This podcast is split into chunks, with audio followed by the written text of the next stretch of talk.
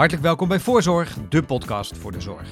Het einde van het jaar nadert en dat betekent ook de bekendmaking van de Skipper 99, de ranglijst van de meest invloedrijke personen in de Nederlandse gezondheidszorg. Volgende week wordt een nieuwe editie bekendgemaakt.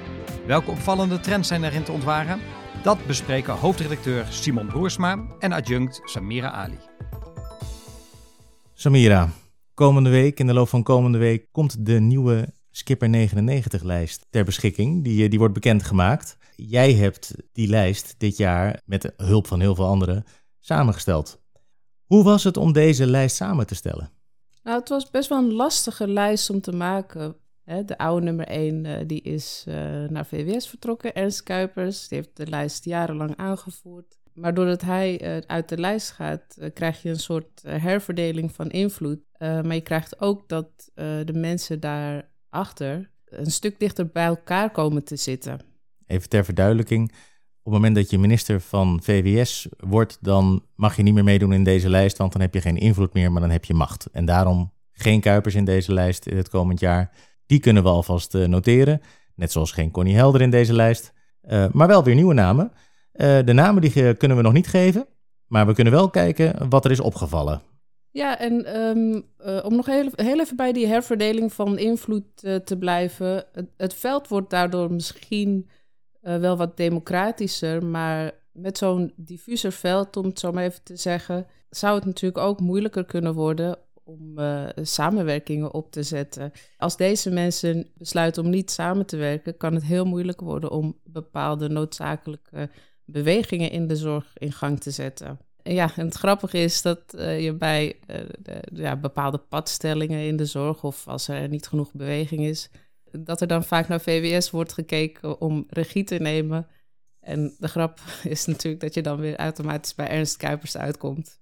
Maar dit keer vanuit zijn, uh, nou ja, zogeheten machtspositie, in plaats van de persoon die die is en de invloed die die heeft in het, in het veld. Zonder, uh, zonder helemaal in te gaan op de exacte samenstelling van de lijst, kan je nu eigenlijk wel al zeggen dat uh, de ziekenhuizen uh, nog altijd oververtegenwoordigd zijn. Eerste lijn, gehandicaptenzorg, GGZ, VVT, ja, komt in mindere mate terug in die lijst. we willen met z'n allen de zorg uit de ziekenhuizen halen. En dat gaat niet lukken als de ziekenhuizen met overmacht op plekken van invloed blijven zitten. Ja, want we willen heel graag samenwerken over de schotten heen, over de sectoren heen en dergelijke. Maar ja, als je één hebt die veel machtiger en veel invloedrijker is dan, dan de rest, dan wordt er toch altijd naar die ene partij gekeken. Hè? Je de Calimero's in, deze, in de zorg.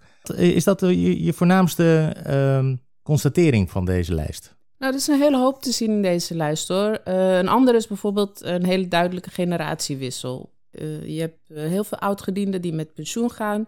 Uh, sommigen blijven dan nog een tijdje actief als toezichthouder. Anderen hebben gezegd: nee, ik ga lekker zeilen volgend jaar. Voor uh, zorgorganisaties uh, kan het ook een hele spannende tijd zijn. Hè? Als zij moeten overstappen op een nieuw bestuur en tegelijkertijd een wat minder ervaren bestuur. Ja, kan dat ook wel lastige situaties creëren. Hè? wie is verantwoordelijk voor wat en hoe, hoe hou je het allemaal in balans? Hè? Uh, we, zeggen dat er moet heel veel veranderen in de zorg. Nou, dan misschien moet dan de top ook maar veranderen. Ja, maar de, de, we kennen de gezondheidszorg uh, natuurlijk ook als een hele voorzichtige sector. Uh, die het liefst die gebaat is ook bij geleidelijke verandering. niet te woelige wateren. Ja, nee, dat is, dat is helemaal waar natuurlijk. En het, en, het is niet zo dat de oud-gediende dat dat iets slechts is. Hè? Want ze hebben ook heel veel ervaring. ze, hebben, ze, ze weten heel goed hoe, dingen, hoe de hazen lopen. Ze weten uh, niet alleen van de afgelopen twee jaar, maar van de afgelopen dertig jaar hoe de, hoe de zorg uh, is geleid en, en hebben daar ook een netwerk in. Ja, precies. Dus een raad van toezicht zal het liefst uh, een oudgediende naast een, een, nieuwkomer zetten, zodat die samen kunnen optrekken, zodat je en die balans en kennis en kunde van die oude, oude generatie hebt en dat vernieuwende van de jonge generatie. Maar dat kan in tijden van schaarste ook in de top nog best lastig blijken te zijn om dat zo te regelen. Ja, want we hebben dus uh, niet alleen schaarste in het algemeen op de arbeidsmarkt en in de zorg in het bijzonder, maar ook in de top van die Nederlandse zorg. Ja, dat is wel wat ik uh, heb gehoord in de gesprekken die ik heb gevoerd in de aanloop naar het uh, maken van deze lijst.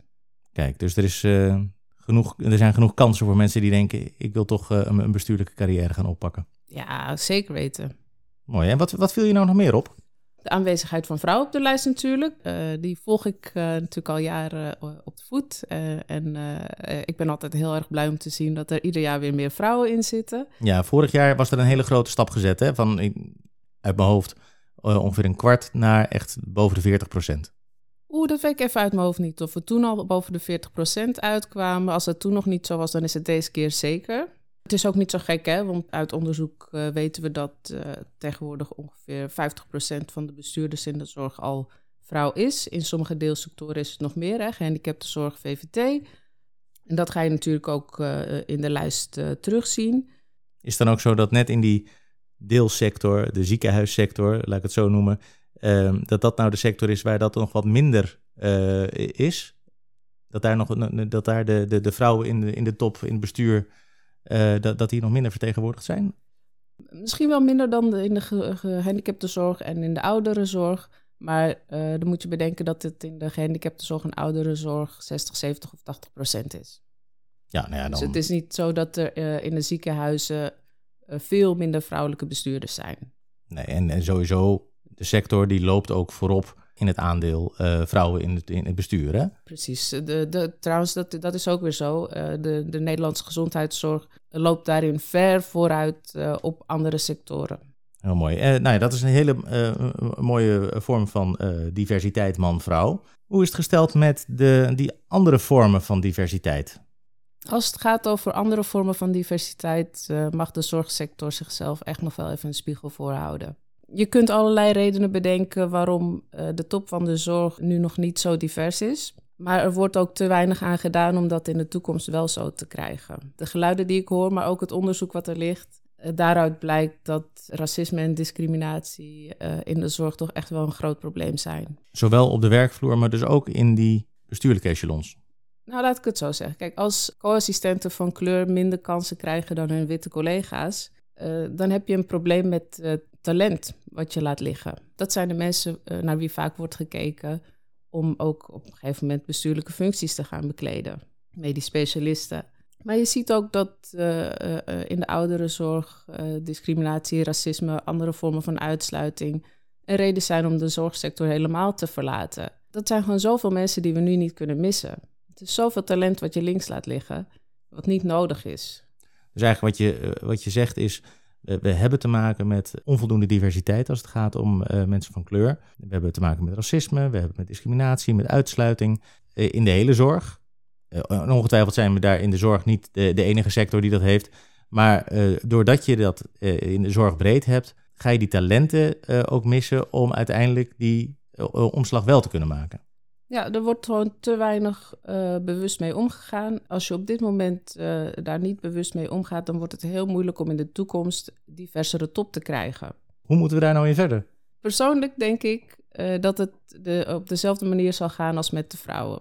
als het over vrouwen in de top gaat, is het ook nog maar de vraag of dat dankzij beleid is geweest of ondanks het niet bestaan van beleid en niet actief oppakken van de kwestie toch zijn de vrouwen hun opmars uh, begonnen en uh, zie je nu een, uh, een heel andere man-vrouw verhouding in die top. En ik denk dat dat met talent dat net even anders is, dezelfde weg zal gaan. Op een gegeven moment kan je er gewoon niet meer omheen. Eigenlijk is het zo dat, dat, dat, je zegt, nou, we maken deze lijst nu, maar misschien over tien jaar ook wel. En dan wacht maar af. Dan zou er zomaar een hele andere samenstelling qua diversiteit kunnen zijn. Dat, dat zal altijd zo zijn. Uh, in tien jaar tijd kan er heel veel gebeuren. Uh, maar ik denk wel dat uh, de sector zich echt achter de oren moet krabben. En zich moet afvragen of ze hier niet op, op bewuster mee om moeten gaan. En daar zijn ook allerlei manieren voor. je kan allerlei coachingstrajecten opstarten om talent wel op een goede manier te begeleiden. Uh, je kan uh, allerlei uh, bewustwordingsprogramma's erop loslaten. Er is dus genoeg te doen om ervoor te zorgen dat die ontwikkeling in gang wordt gezet. En we hebben die spiegel nodig om dan ook echt daadwerkelijk tot actie over te gaan. Om dit ook te bewerkstelligen. Ja, absoluut. Heel goed. dat, dat, was over tien jaar. nu eerst komende week. ja, komende week komt de nieuwe lijst. Dan kunnen we ook zien wie wel de nieuwe nummer 1 is geworden. Ja, kunnen we nog niks over zeggen, hè? Sorry, het is echt heel erg spannend. Want het ligt allemaal zo dicht bij elkaar. dat het echt een hele leuke lijst wordt om te zien volgende week. Nou, heel goed. Dat gaan we komende week zien. Uh, voor nu uh, bedankt om in ieder geval alvast even de thematieken van de lijst uh, te kunnen bespreken. En ik kijk uit naar de lijst. Dankjewel. Tot zover deze aflevering van de Voorzorg. Wilt u vaker luisteren, dan is het raadzaam om u te abonneren. Wilt u op de hoogte blijven van het laatste nieuws, achtergronden en interviews over de gezondheidszorg? Schrijf u dan in op de dagelijkse nieuwsbrieven van Skipper en Zorgvisie. Dan hoort u ook als eerste hoe de nieuwe editie van de Skipper 99 eruit ziet. Voor nu, hartelijk dank voor het luisteren en heel graag tot de volgende voorzorg.